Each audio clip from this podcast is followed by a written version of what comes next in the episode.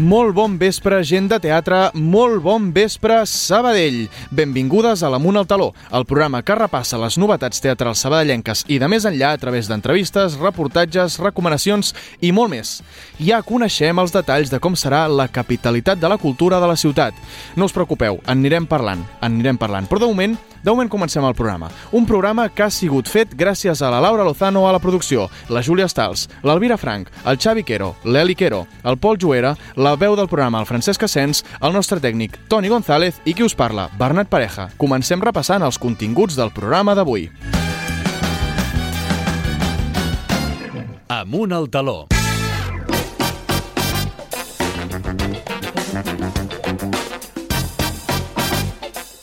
Alcem el taló, som-hi. Avui començarà, com cada setmana, visitant-nos la Júlia Stals, qui ens explicarà les obres que es poden veure aquesta setmana a la nostra ciutat.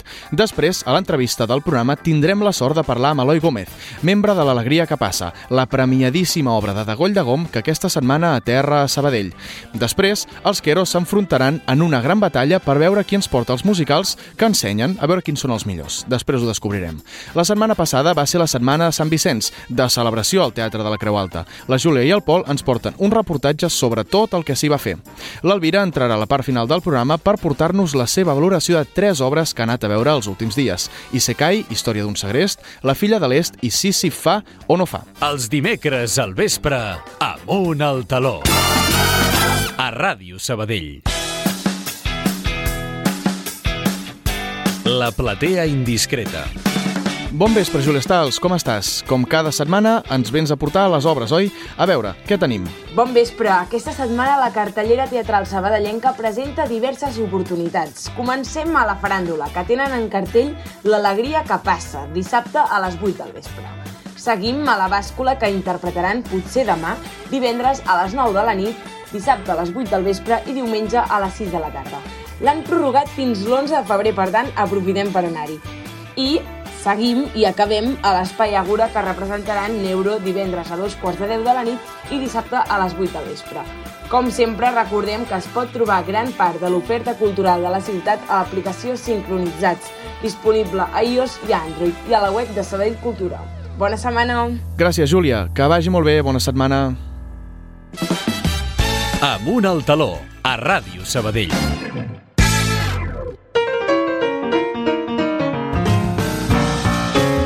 L'entrevista. Un poble gris, monòton i industrial veu trencada la seva rutina laborable amb l'arribada d'un gran espectacle musical. La companyia ha sigut contractada per l'alcalde del poble i propietari de l'única fàbrica en tota la població.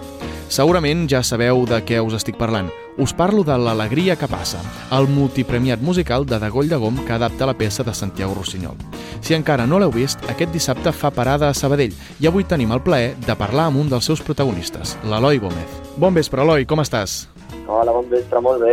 Molt Sí? bé, amb ganes de venir cap a Sabadell. Sí. I nosaltres ganes de, de que vinguis. Primer de tot, com es porta una mica això d'haver participat en, un, en una obra, un musical tan exitós com l'Alegri- l'Alegria que passa? Home, realment es viu... O sigui, ara mateix hi ha com consciència col·lectiva amb tota la companyia com de somni fet realitat una mica. Jo Mhm. crec que amb l'alegria uh, s'ha complert com el millor dels escenaris que ens podríem haver imaginat i la veritat és que estem molt, molt, molt feliços perquè ha connectat moltíssim amb el públic i, i ja, nosaltres teníem ganes de que fos així, però ha superat molt les nostres expectatives. Llavors, estem emocionats, estem super emocionats. Clar, clar, clar. Uh, heu estat dues temporades al Poliorama, no senceres, però sí que heu, ja heu fet una pila de representacions, heu Sí. fet part d'una gira i ara uh, més. Com és això d'anar de, de gira? Home, és especial perquè, mira, per començar, per una qüestió pràctica, que és que cada dia veus la mateixa escenografia muntada en un teatre diferent, i això és ben curiós, no? Clar. Perquè hi ha teatres de moltes mides, de moltes formes, i és tota una experiència com fer la mateixa funció exacta en un Mhm. espai tan diferent cada cap de setmana. Però és molt bonic perquè mm, vas com descobrint quins són els caràcters de les diferents ciutats de Catalunya i, i te n'adones com que els públics canvien molt depenent de, de quina zona de Catalunya visitis. És, és una experiència bonica. Que xulo, això. O sigui, es, es Sí. nota realment, si vas a un poble o un altre, pots sortir una Sí. mica amb la idea de, doncs mira, aquesta gent és més així, aquesta gent és més això. Que bo. Exacte. I també com més t'allunyes de, de Barcelona, de la capital, Mhm. a- um, te n'adones de que moltes vegades hi ha pobles que, que, que tenen menys oportunitats a veure segons quins muntatges, I no? tant. Hi ha, com, hi ha com un agraïment molt, molt bonic de, de que visitis pues, la seva localitat, és molt xulo. Mhm. Suposo que, que us ha passat, no, no és tema teu, eh, però sí que a molts pobles d'aquests que comentes surten les entrades per una obra com la vostra i al cap de 4 hores s'han acabat, que Sí, eh, sí. deu ser l'esdeveniment de, del mes segur que, que hi aneu una obra com aquesta. Suposo que això en Exacte. part també és responsabilitat no? de, de dir, ostres, hem d'estar a tope com a companyia per, per, per tornar-los aquest, aquest, aquest carinyo que ens han donat ja abans d'arribar allà. Totalment, sí, perquè a més la gira la vam començar quan ja, quan ja havíem fet la primera temporada a Barcelona. Mhm. Llavors la gent ja té una expectativa, ha llegit unes crítiques, hi ha com una referència, ja saps? I la gent ja té una expectativa molt alta. Llavors, exacte, encares, encares la gira amb, amb responsabilitat i amb ganes de complir les expectatives que la gent s'ha fet. Mhm. I tant. El que em comentaves, això d'anar a moltes ciutats, fer la mateixa escenografia, mateixa obra, però amb teatres diferents, això és una cosa que juga a favor, juga en contra, o a vosaltres, com que teniu el vostre espai, no, no us afecta? Clar, en- en general és una cosa que no afecta gaire, perquè el joc escènic és exactament el mateix Clar. sempre allà on anem. Les distàncies són les mateixes, vull tenim un equip tècnic fantàstic que deixa l'escenari, que, que, que si només veiessis l'escenari i no et fixessis en la platea, sembla, uh, sembla l'escenari del poliorama sempre, anem on anem. Però sí que és veritat que depenent del teatre doncs, té els seus hàndicaps, o cada teatre serà diferent. Clar. Hem anat a sales gegants, recordo vam anar al Teatre al Jardí de Figueres, em sembla que és un teatre gegantí, i de cop allò sona com, com, com, com si estigués en un poliesportiu, saps? Clar. De cop hi ha teatres molt més recollidets, com el de Llinars del Vallès, i, i, l'experiència sempre és diferent, però bueno, amb ganes de visitar la faràndula, això sí. Segur, segur que us agrada. Això que m'has comentat de, de molt gran, molt petit, que sonava com un, com un poliesportiu, no sé Sí. si el tema del so eh, us afecta a vosaltres eh, el tamany de la sala. Jo, mira, la veritat és que, te, o sigui, exactament no t'ho sé dir, això t'ho sabria dir millor el Marcel, que és que fa el, el disseny de so i és el nostre tècnic de so, però, però em consta que sí, em consta que, clar, cada teatre s'ha de sonoritzar quan arriben Mhm. a fer el muntatge tècnic i, i depèn de com sigui la sala, doncs et trobes amb uns hàndicaps i tens, Ja.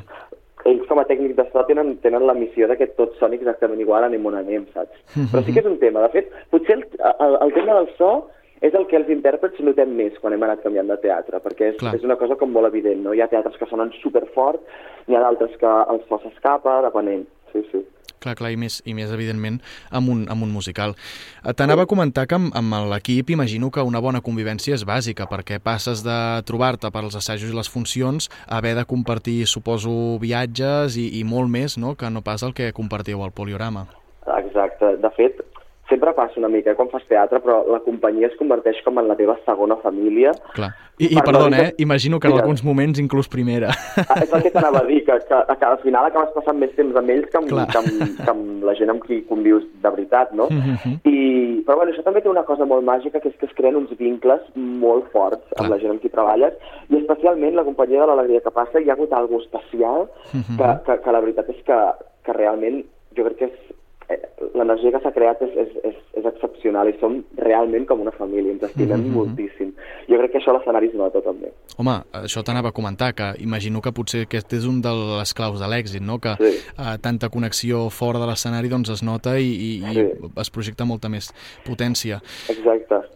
Et volia, et volia preguntar també el, el com es gestiona ja a nivell personal teu un projecte que s'allarga tant, perquè imagino que això tu saps que participaràs a l'Alegria que passa, doncs, eh, no ho sé, sobre uh, principis de l'any passat, potser, o, o, Mira, una cosa així? les, au- les audicions, fixa't, van ser el juny del 2022. Juny del 2022, doncs Sí, mira, ja fa, fa un any i mig ja. camí, de, camí dels dos anys. Sí, I com, com es gestiona un, un projecte això que s'allarga tant en el temps?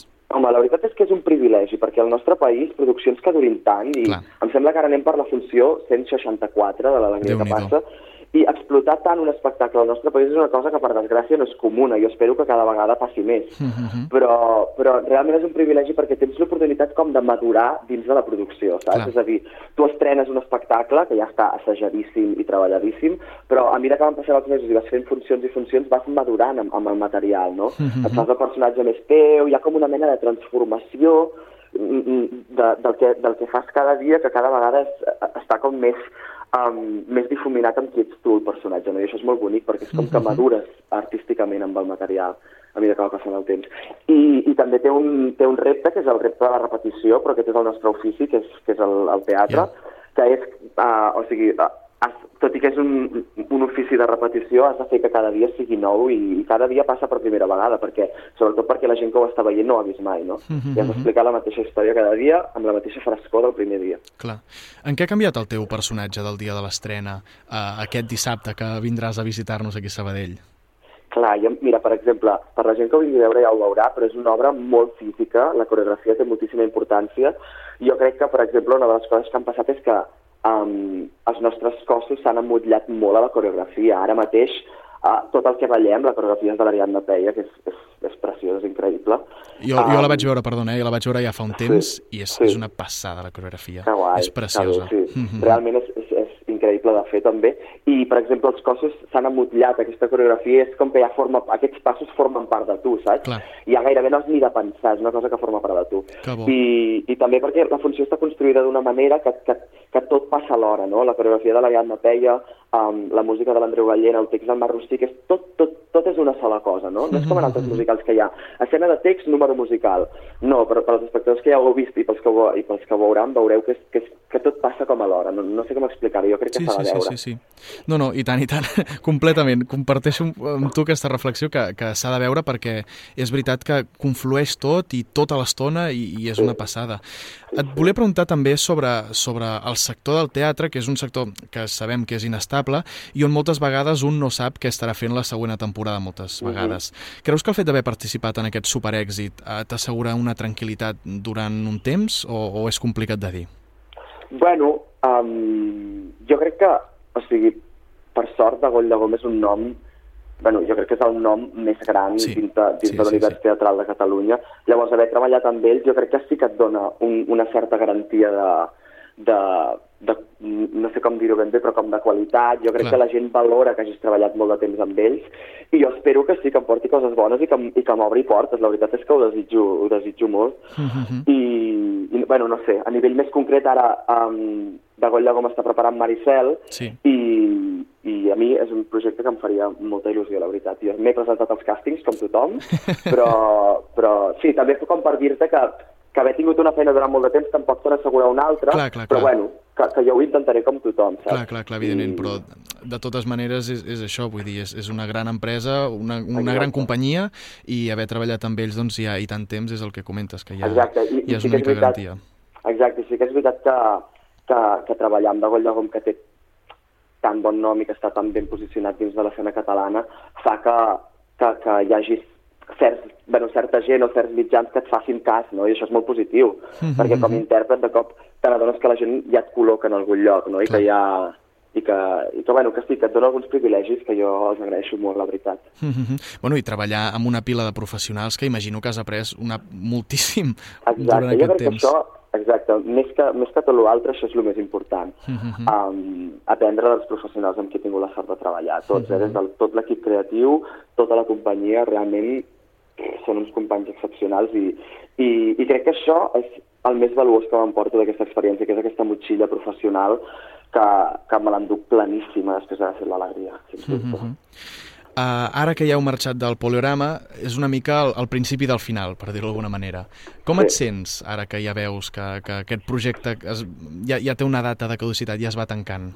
Home, la veritat és que, mira, avui precisament és un dia de ressaca emocional forta, perquè ahir vam fer, eh, justament ahir al vespre i diumenge vam fer l'última funció al poliorama, ja vam com tancar una etapa, com Clar. tu dius, i, i realment ara hi ha aquella coseta de que, de que, de que tenim una mica de pena, no? És un projecte que ha durat molt de temps, com et deia, som tots una família, ens estimem moltíssim la funció del material, i, i realment jo crec que la funció de Sabadell serà especialment emotiva perquè és una de les últimes i ja, ja com tu dius, és al final, no? Llavors crec que hi haurà un plus de- d'emoció que serà bonic per la gent que ho vingui a veure a Sabadell. Mhm. doncs no puc estar-hi més d'acord. Segur que serà una funció preciosa com, com totes les que feu. Eloi, Està bé. moltíssimes gràcies per, per atendre'ns i Moltes molta gràcies. sort amb aquestes funcions que queden i amb el futur. Que vagi Moltes molt bé. gràcies. Una abraçada. Igualment, adeu. Adéu. Amunt al taló.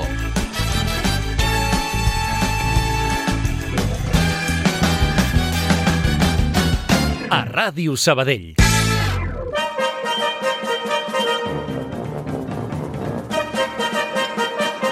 Duel de musicals, Ameli i Xavi Quero.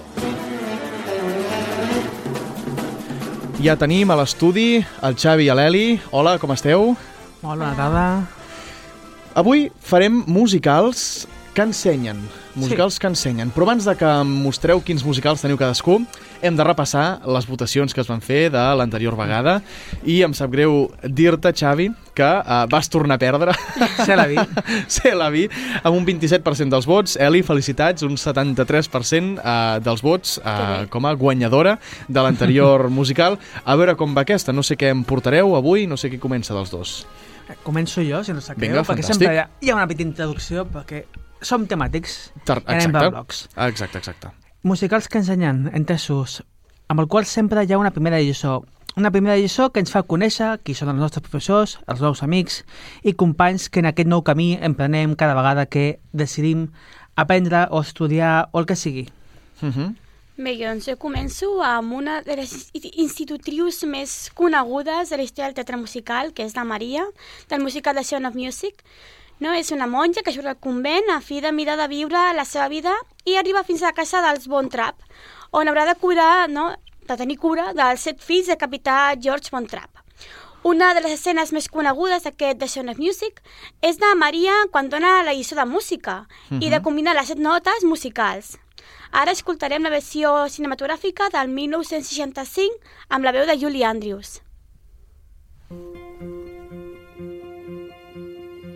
Let's start at the very beginning. A very good place to start. When you read, you begin with A, B, C. When you sing, you begin with Do, Re, Mi. Do, Re, Mi. Do, Re, Mi. The first three notes just happen to be Do, Re, Mi. Do, Re, Mi. Do, Re, Mi, Fa, Sol, La, Ti. Oh, let's see if I can make it easier. Mm. Doe, a deer, a female deer. Ray, a drop of golden sun. Me, a name I call myself. Far, a long, long way to run. So. Fantàstic, conegudíssim per començar. Xavi, és el teu torn. Com continuem amb això? Bé, una, una altra primera lliçó és la que trobem a My Fair Lady, que no deixa de ser una reelaboració del Pigmalió de George Bernard Shaw. De fet, ara la Versus comencen a fer una reelaboració d'aquesta reelaboració, uh -huh. per si ho voleu anar-ho a veure. Molt meta. Sí, de fet sí.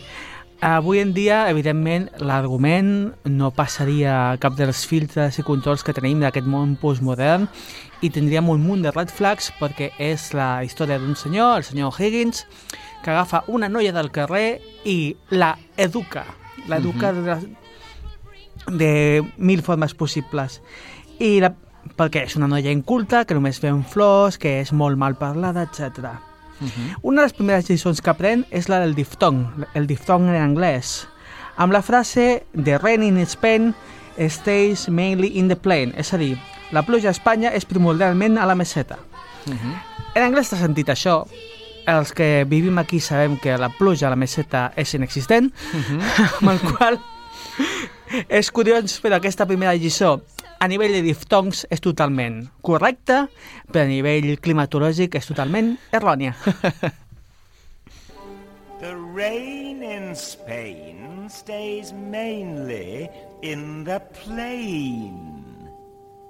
The rain in Spain stays mainly in the plain.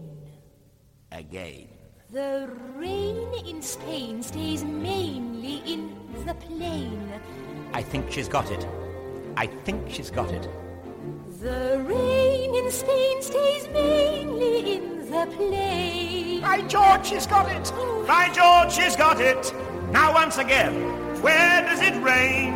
On the plain, on the plain. And where's that soggy plain? In Spain, in Spain. The rain D'acord, fantàstic. Eli, amb què contraataques? Bé, bueno, així com un professor, no, en aquest cas, una professora a vegades ens motiva a- fer allò pel que hem nascut. I en el meu cas jo parlo de, de la conegudíssima història de Billy Elliot, Uh -huh. no? d'aquella Anglaterra deprimida i minera de la dècada dels 80, que és encara més minvada per la, pel govern de Margaret Thatcher. Uh -huh. Plena protestes i tancament d'indústries del sector primari. I de to, entre, tot, aqu- entre totes aquestes històries tenim la família d'en Billy, amb el seu germà i el seu pare treballant a la mina. Uh -huh. I enmig de tot aquest ambient hostil, podríem dir, no? El Billy Elliot descobreix el seu talent, que és de dansa, gràcies a, Mr. Wilk a Mrs. Wilkinson, que li diu que he nascut pel boogie.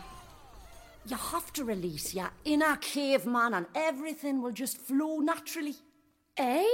Hit it, Mr. Braithwaite. We weren't born to stand still and a question of will. Gotta move, it's a fact. You were born to react. You were made to behave like you will in the grave.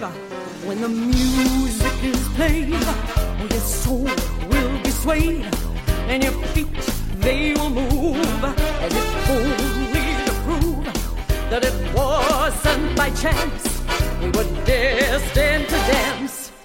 We were born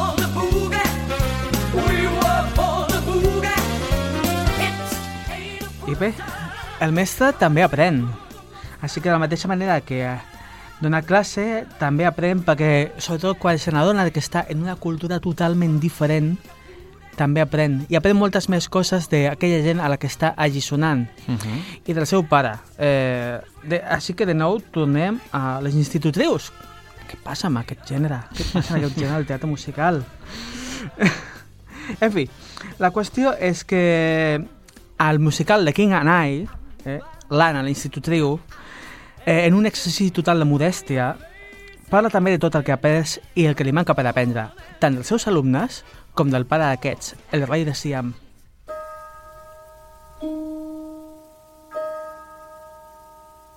It's a very ancient saying, but a true and honest thought, that if you become a teacher, by your pupils you'll be taught. As a teacher I've been learning, you'll forgive me if I boast, and I've now become an expert on the subject I like most getting to know you. Getting to know you, getting to know all about you. Getting to like you, getting to hope you like me. Getting to know you, putting it my way, but nicely. Fantàstic. Som-hi, Eli. Bé, eh, tot i que a, a vegades podem detestar fins i tot el lloc on estudiem, on potser no ens agrada gens, o potser sí, no? Si és que arribem al moment idoni. Ens trobem en centres d'estudis, escoles, universitat, allà on es troba el saber que volem adquirir. Però el trobarem? Aquesta ja és una altra pregunta, i també és una altra resposta. En el meu cas, parlaré de la història d'Elfaba a Wicked, que comença amb la visita d'un estrany visitant del món màgic 2, però la història de la qual ens fa valdre la seva lluita per defensar a tothom qui és diferent i els animals, tant els que parlen com els que no. És a la Universitat de Xis on l'Elfama coneix a, a la sense escrúpols de Madame Morrible, la Glinda, que en aquell moment encara era Galinda, i el professor Dilamont, que patirà les conseqüències de les decisions polítiques del mag. Però això en aquest moment del musical encara és molt lluny. Els estudiants de la, de la universitat d'aquest els estudiants d'aquesta universitat encara es troben meravellats i ignorats de poder estudiar allà, a la vella i estimada Xis.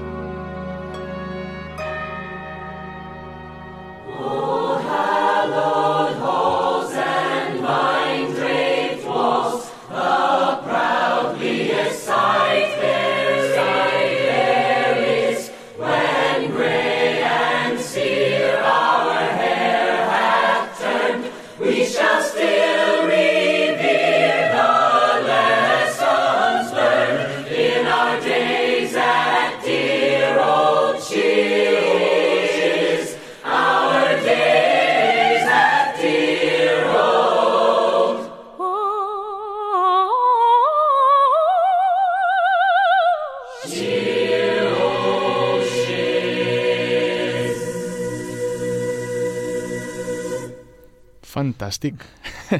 Què més, Xavi? Vinga. Un altre musical on, curiosament, també es barregen les persones eh, i, els, i els seres humans i alguna cosa més és el musical Avenue Q, on els humans es barregen amb Muppets, és a dir, amb titelles, amb Mhm. titelles de la factoria de Jim Henson i derivades. Però dins d'aquestes titelles també hi ha monstres. Uh -huh. Trobem a la Kate Monster i al Trekkie Monster, que té una curiosa i encertada idea del que és internet. Però avui no parlarem d'això ni la llei 34 d'internet, pels que la coneixeu perfecta i els que no la coneixeu viviu en la vostra ignorància i sigueu feliços. La qüestió és que Kate Monster sempre ambiciona tenir una escola per nens monstres, perquè puguin aprendre a ser monstres i tenir una educació com cal. Però en Trekkie Monster, que principalment és un Trekkie, és a dir, li agrada molt Star Trek, eh, ha, sabut, ha sabut fer valdre molt bé aquesta llei 34 d'internet i per què serveix, i fa una bona fortuna, tant que li dona 10 milions de dòlars a la Kate Monster perquè munti la seva escola de monstres. Go away! I guess Kate will never get her school for monsters. What you say? Kate wants to open a school for monsters. School for monsters? Oh, me never hear of that. School for monsters. School for lonely little monsters. When me little going to school, other children think me not cool, poking and pulling at me fur. Now me have therapist and work on this with her. But me no need me therapy if Monster School a reality. Here, me give you ten million dollars. Tricky, where'd you get all that money? In volatile market, only stable investment is porn. When you help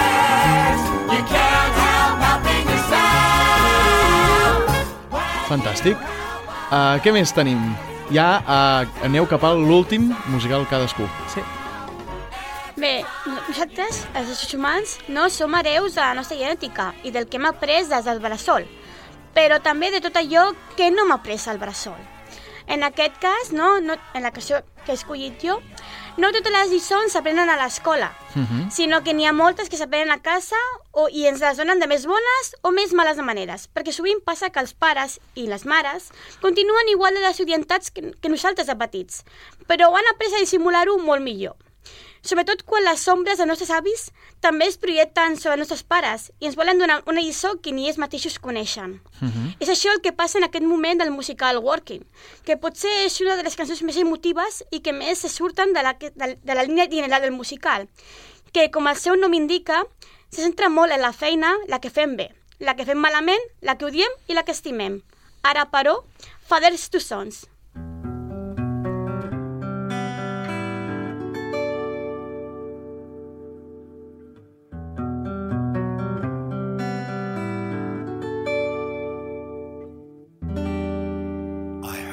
Of songs say where you're going, my son.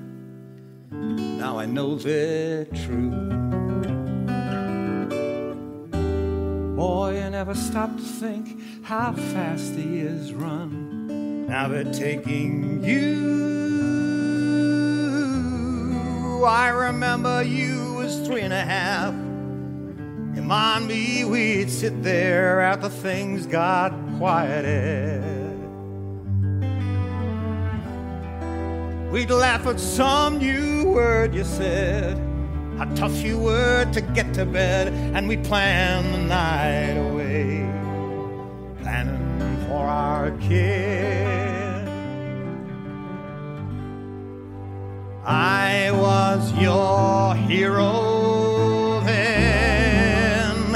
I couldn't do no wrong as far as you were concerned. Perfecte. I Xavi, l'última bala uh, per aquest combat, a veure si amb aquesta uh, és la definitiva per guanyar una setmana a l'Eli. Què ens portes Potser, amb potser. aquesta? Mira, els contes de fades també contenen un munt de lliçons. Mhm. d'una forma més o menys balada. Però sempre hi ha un seguit d'ensenyances que passen de pares a fills eh, que d'una manera o altra van acabar funció, eh, mutant al llarg dels anys, dels segles, etc. Mhm. Es, eh, I també ens explica de la mateixa, mateixa manera quin pot treure rendiment d'una forma o altra, ja sigui un profit per aprendre o per treure un benefici, o la Disney. Ara bé, a l'any 76, eh, el psicoanalista Bruno Mettenheim publicà un assaig molt interessant eh, anomenat Psicoanàlisi dels contes de fades, que anys després Stephen Sondheim agafà i va escriure Into the Woods, amb tots els personatges dels contes de fades enfrontant-se a tot allò que venia després d'aquell final feliç del conte de fades, Mhm. amb el qual havien d'enfrontar-se no només amb, amb tot allò que havien desitjat, sinó amb totes les seves pors com és el cas de la mateixa paternitat del flequer, del conte del flequer i la seva esposa que no poden tenir fills, que una vegada que té el fill però la mare falta, què és el que passa? Però en un últim moment, gairebé com un deus ex màquina, apareix la veu de la mare que li diu que l'ensenyi bé i que li expliqui tots aqu aquells contes que li havien explicat els seus pares i totes aquelles ensenyances que han extret del seu viatge pel bosc. Mhm. I és així com acaba aquest Into the Woods. upon a time in a far off kingdom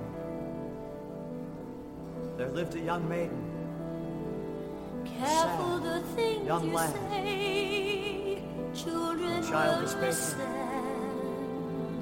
Careful the things you do, children will see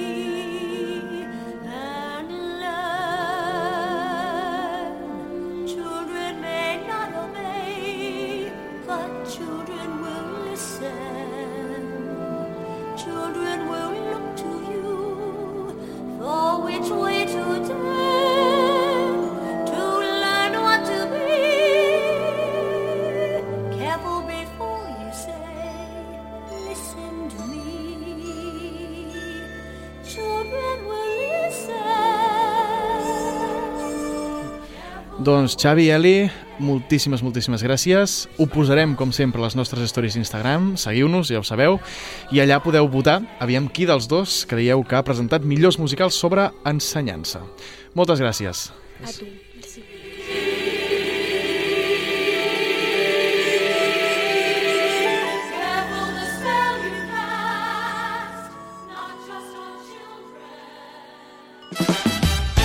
Amunt al taló.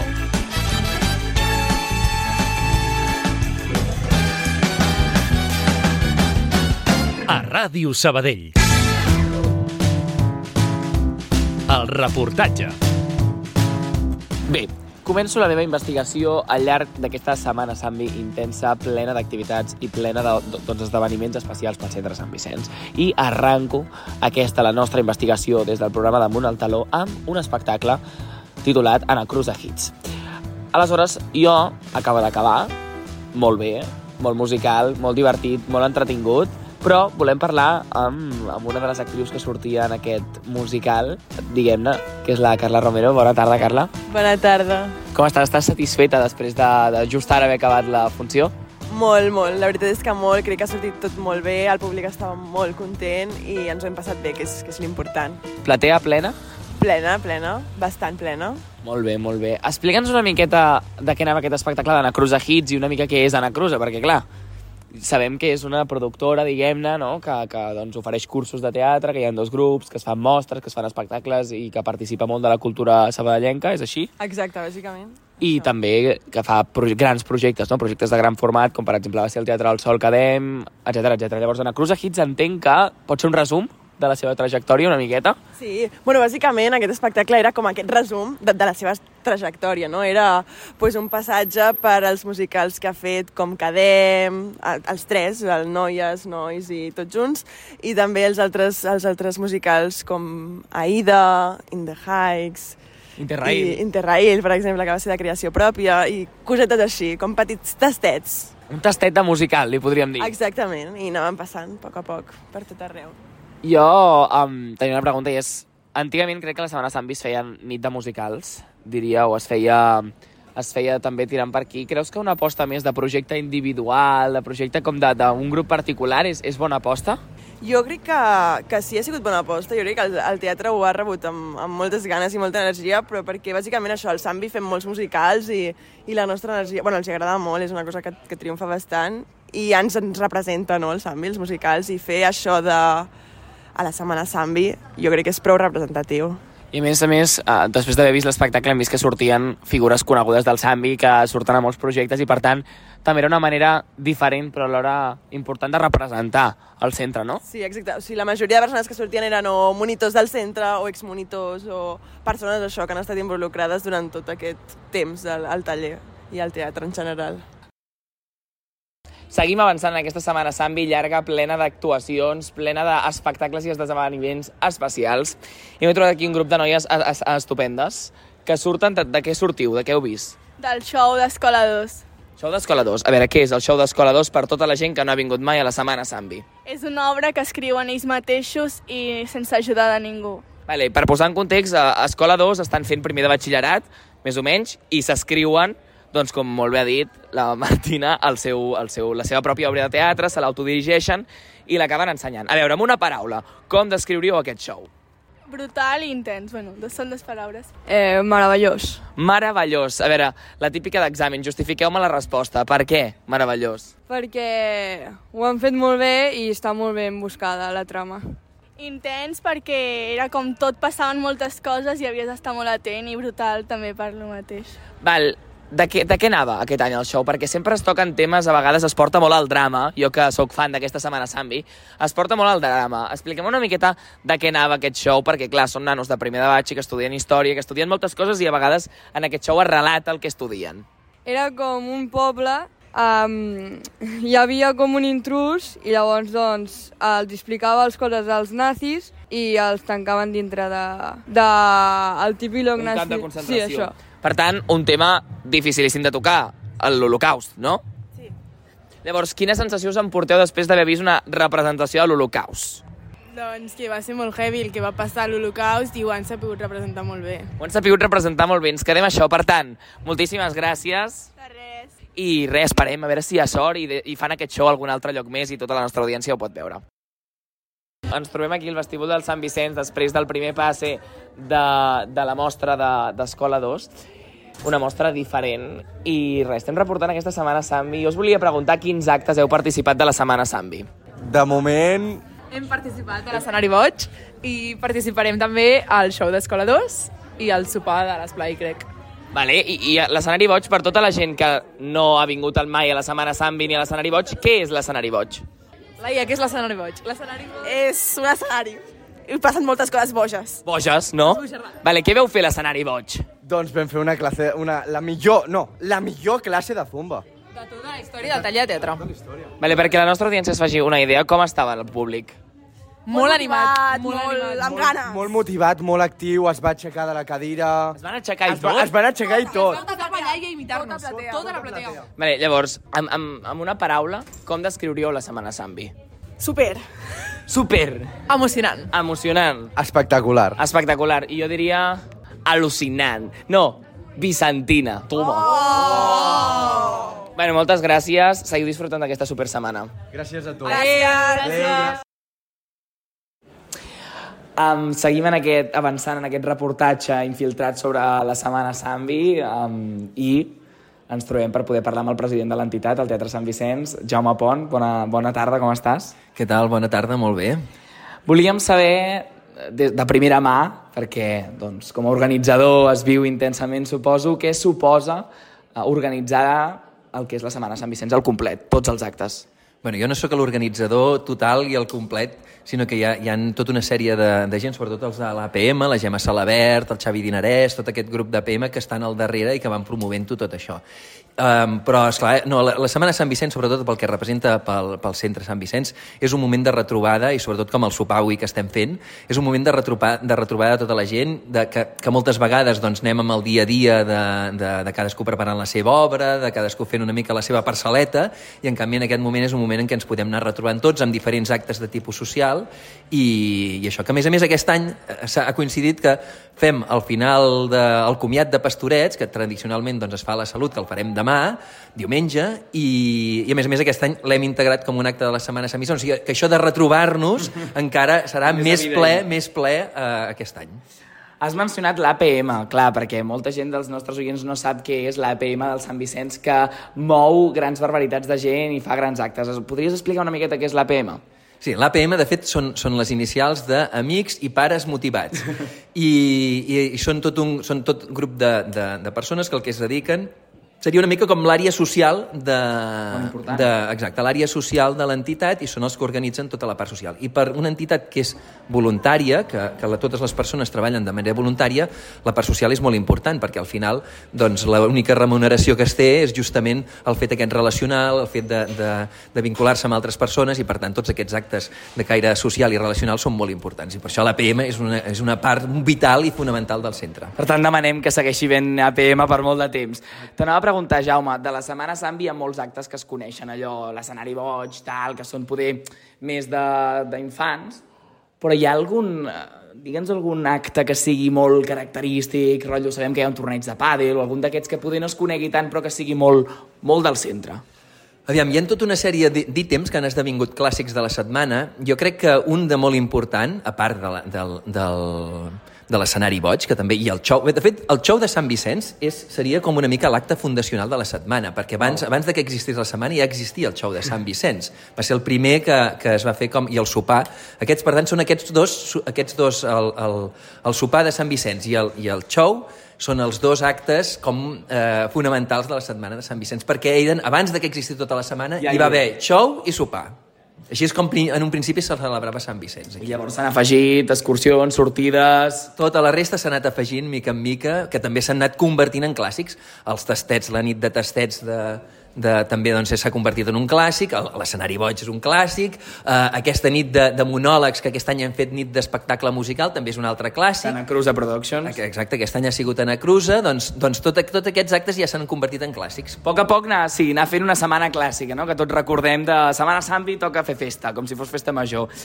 Ja per últim, per acabar, Jaume, com es tanca aquesta setmana Sambi?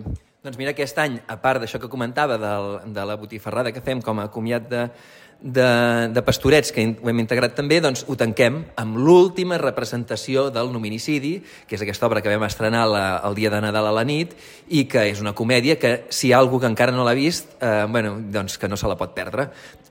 Per tant, comèdia, diversió són, eh, i família i centre són les paraules que caracteritzen aquest, eh, la nostra setmana del Centre Sant Vicenç. Moltíssimes gràcies, Jaume. Gràcies a vosaltres. I fins aquí la nostra investigació al llarg de la Setmana Sant Vicenç. Hem pogut gaudir de diferents actes, hem pogut assistir-hi i hem pogut veure doncs, la importància que té per als membres i socis del Centre Sant Vicenç aquesta festivitat especial que dura doncs, set dies, el que dura una setmana i té actes per totes edats, per petits, per grans i, i de format molt divers, cada any intentant innovar i cada any intentant apostar per formats nous que treguin cada vegada més gent i que tothom se senti part d'aquest centre orgullós en aquesta setmana. Doncs res, us animem a que l'any que ve eh, estigueu atents de tots els actes que puguin, que puguin passar en aquesta màgica setmana Sant Vicenç i que us apunteu a tots nosaltres, no ens en perdrem cap ni un. Posa't al dia de l'activitat teatral de la nostra ciutat a Ràdio Sabadell.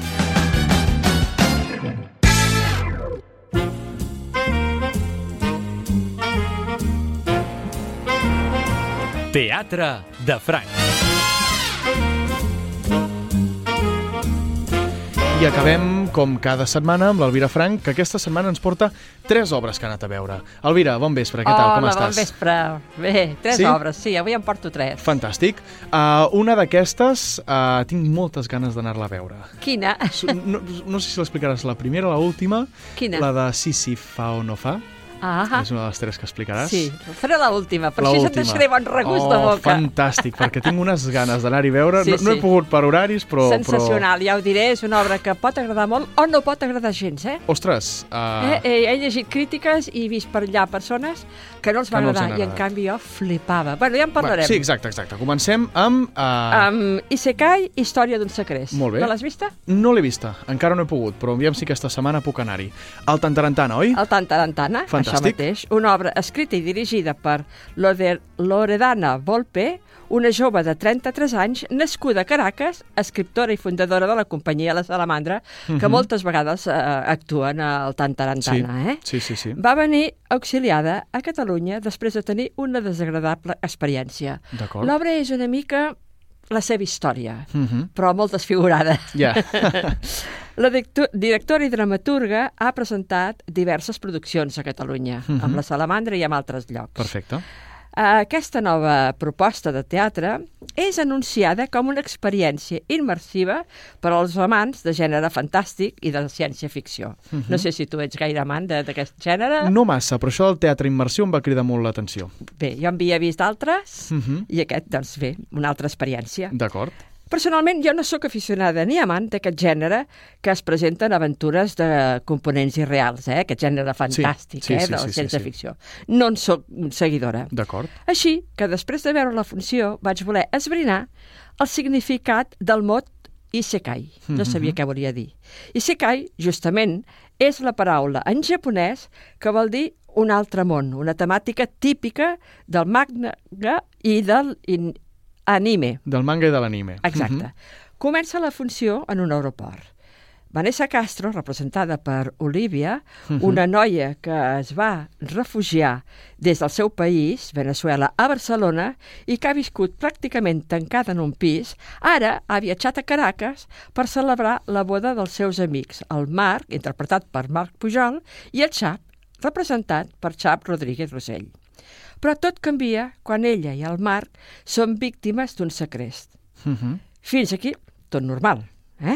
A partir d'aquest moment, les escenes es tornen surrealistes i els protagonistes es troben immersos i rodejats de pantalles que ocupen tota la llargària de la sala. És a la Mhm. sala de dalt del Tantarantana. D'acord. Com un joc, els personatges són transportats en un món en presència d'elements sobrenaturals. Mhm. Videojocs, diàlegs i personatges fantasmagòrics, vestuari i maquillatge fantasiós, filmacions com si fossin en un univers imaginari o paral·lel i unes interpretacions que a mi personalment em van costar de creure, segurament a causa del meu refús en Mhm. endinsar-me en aquest món utòpic D'acord. Aquests de dibuixos japonesos i les seves creences. Mhm. Em va costar. Destacaria, però, les lluites amb katana, que és l'espasa típica japonesa, i les coreografies dirigides per Xavier Teixidor, força ben interpretades per l'actriu i els actors. Unes peripècies en una altra dimensió que, com sempre amb aquestes historietes, acaben bé. Segurament, els que els agrada aquest gènere passaran una bona estona. Fantàstic. Una obra que està programada fins a l'11 de febrer, o sigui que... Un parell de Bernat, setmanes eh, encara. Encara tens temps d'anar-hi, sí que... Magnífic. Si vols investigar aquest món. Sí. la segona, què ens portes? La filla de l'Est, La filla de l'Est. Molt bé. a la sala talles del TNC. Uh, de la novel·la de la Clara Usson, la companyia Les Libertàries n'ha fet una potent obra de teatre amb dramatúrgia de Gemma Brió i Norbert Martínez, que també s'ha cuidat de la direcció. Mhm. En altres ocasions hem pogut comprovar el gran treball d'aquest director, ple de sensibilitat i credibilitat, exposant temes reals històrics. En aquesta ocasió ens transporta a la Guerra dels Balcans. D'acord. Tu o no havies nascut No o eres molt nascut, jove. no havia nascut, no havia nascut encara. Una guerra que en els més grans no ens queda gaire lluny, no fa tants anys, però que segurament hem oblidat. Mhm. Altres guerres ens tenen més ocupats i no Clar. recordem aquella guerra. Com totes les guerres, les d'abans, les de més enllà i les d'ara, estan plenes de dramatisme, de tragèdies, de conflictes violents i d'innocents que paguen els idealismes dels altres. Mhm. A Sèrbia, Croàcia, Bòsnia, Albània van acabar amb l'antiga Iugoslàvia. Així comença la representació presentant un seguit de fets, noms i dades per situar els tràgics fets que, ja dic, que molts no recordem, segons Clar. com. La Guerra dels Balcans va ser el genocidi més important a Europa després del perpetrat pels nazis. Mm -hmm. Ara ja no ho sé el Ja. que està passant, eh? Però fins ara eh, és el lloc que hi va haver més genocidi.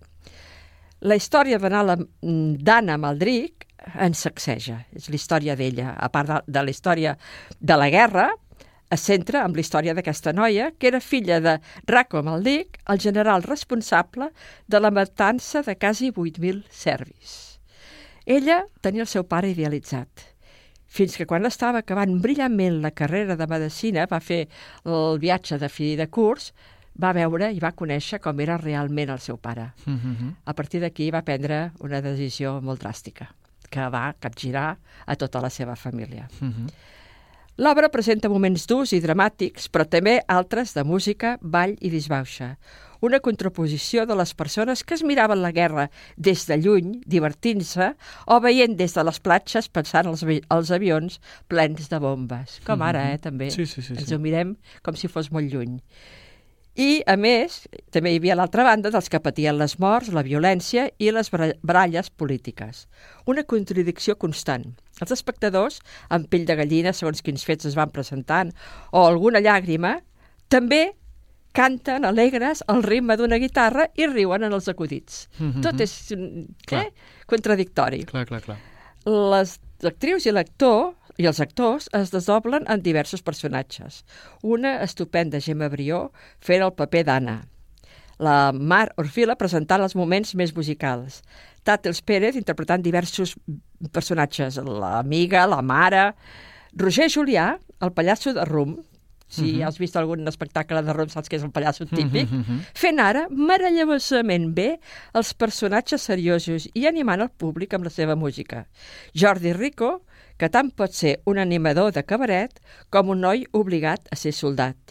I el sabadellenc Josep Julien fent el cruel i cínic pare i, a més, el jove enamorat de la noia i una víctima de la guerra. Filmacions mesurades, màscares, espai obert, on es veuen les caixes de l'escenari i música interpretada pels mateixos actors. Barreja de sentiments, Mhm, barreja mhm. de sentiments, que en alguns moments ja diria que s'allarga massa la funció i està farcida de massa informació que moltes vegades s'atura, Ja. eh? que arriba, segons com, a tabalar tanta Mhm, informació, però que trasbalsa i emociona. També la Mhm. podem veure fins a l'11 de febrer. Fantàstic. Doncs uh, passarem a la següent. A la que t'estàs A la que esperant. estic esperant. que és Si s'hi fa o no fa, que la fan al Teatre Lliure. Al Teatre Lliure de Gràcia. De Gràcia. Sí. Una obra escrita i dirigida per Jordi Oriol i interpretada per Carles Pedragosa, una producció de la companyia Indigés, que és la companyia del, Jordi, Oriol. Eh? Mhm. Molts coneixem i seguim tot el que fa Jordi Oriol, segur que tu també. És que és molt bo. Dramaturg, professor d'escriptura dramàtica i d'interpretació, actor i director i músic. Les seves obres sempre estan dotades d'una gran dialèctica, amb jocs de paraules, amb significats diferents i que, amb enginy, ha anat presentant diverses propostes teatrals, com per exemple les que he vist, La maledicció, segurament l'has vista, Exacte. Europa bull, L'empastat, La caiguda de Hamlet, entre moltes altres. Europa Bull també és seva? Sí. No ho sabia. També era Ostres, doncs em quadra molt, eh, per l'estil Sí, que era i tal. l'havies vista també. Sí, sí, sí, sí l'havia T'has- vist sense saber que era t'has seva. escrita Que bo, d'ell. Sí, que bo, sí, que bo, sí, que bo. i tant, i tant. Ara, en aquest Sifis, fa, no fa, en aquesta ocasió compta amb un dels col·laboradors que fa molt temps que l'acompanya, el músic, pianista i actor Carles Pedragosa, que en aquesta obra descobrim encara més les seves notables i múltiples facetes, tant Mhm. pianista com, com d'actor. Ha sortit a molta Sí, representació. sí, sí, sí, tant i tant. Eh? Sísif és l'heroi o l'antiheroi de la mitologia grega, exemple de la tenicitat. L'ésser que és castigat a treballar durament i que mai aconsegueix els seus propòsits. Albert Camus, que en parlàvem no feia gaire, Mhm. em va escriure un assaig sobre aquest mite. Mhm. Ara el podem trobar escarnit i actualitzat dins d'un escenari replet d'objectes, un batibull d'estris que no tenen res a veure els uns amb els altres, però que estan sincronitzats al mil·límetre i que aniran sorprenent al llarg de la representació. Al centre, el piano de cua, que també sorprendrà. No vull fer més espòlia, no D'acord, puc. fantàstic. A més que us, eh, us Sí, sí, sorprengueu. sí, sí, sí. I el protagonista, una tablat sifis, que tocarà el piano inclús a les fosques, generalment utilitzant notes de fa i de si, Mm -hmm. explicant mil i mil coses i varietat de conceptes, principalment sobre la mort. Entrava en cansa, fent servir la gravetat per no caure, utilitzant la poma de Newton, els llibres dominó i una famosa roca que ha de suportar, en pendent o no, mentre es visqui en la mateixa roca, que el Clar, Sífis... de, de, del mite de Sísif. Ah, exacte. Uh -huh. Teatre de l'absurd i existencialista que fa pensar, a part de divertir, que potser tots estem empenyent aquesta roca que mai acabarà d'alliberar-nos. Mm -hmm. Eh, Jo vaig arribar a aquesta conclusió. Sí, sí. Tot muntat i realitzat amb gran precisió, però semblant una gran improvisació. A part de la boníssima actuació de l'actor i de l'imaginatiu text, cal esmentar també la gran feina de Trezzo i l'esforç de les persones que darrere l'escenari fan que tot funcioni a la perfecció. Un deliri teatral que, com deia, al començament no pot agradar o pot agradar molt, però que a mi em va fascinar. Que bé. Em va fascinar. Que bé, que bé. Doncs, ostres, quines ganes de veure-la i de, i, i de parlar-ne. Ja la comentarem I tant quan que sí. La comentarem, la comentarem. També tens temps, eh? Fins l'11 de febrer està Perfecte. programada. Mira, tenim aquestes tres obres que has comentat a les properes dues setmanes. Exacte. Doncs, Elvira, moltíssimes gràcies per, per explicar-nos aquestes obres i la setmana vinent més. Fins la setmana que ve. Fins la setmana vinent, Vinga, que vagi molt bé. adéu-siau.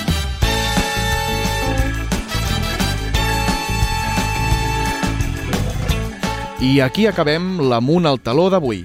Us recordem que podeu recuperar tots els nostres programes a Spotify. Només cal que busqueu Amunt al taló al cercador i trobareu el nostre podcast. Rescateu també aquest programa i tots els altres a la carta, al web de Ràdio Sabadell. Seguiu-nos a les xarxes, a Instagram, arroba almuntaltaló.està i també a Facebook. Tornem ben aviat amb més gent teatrera i parlant de les novetats dels escenaris locals. Molt bona nit! Amunt al taló.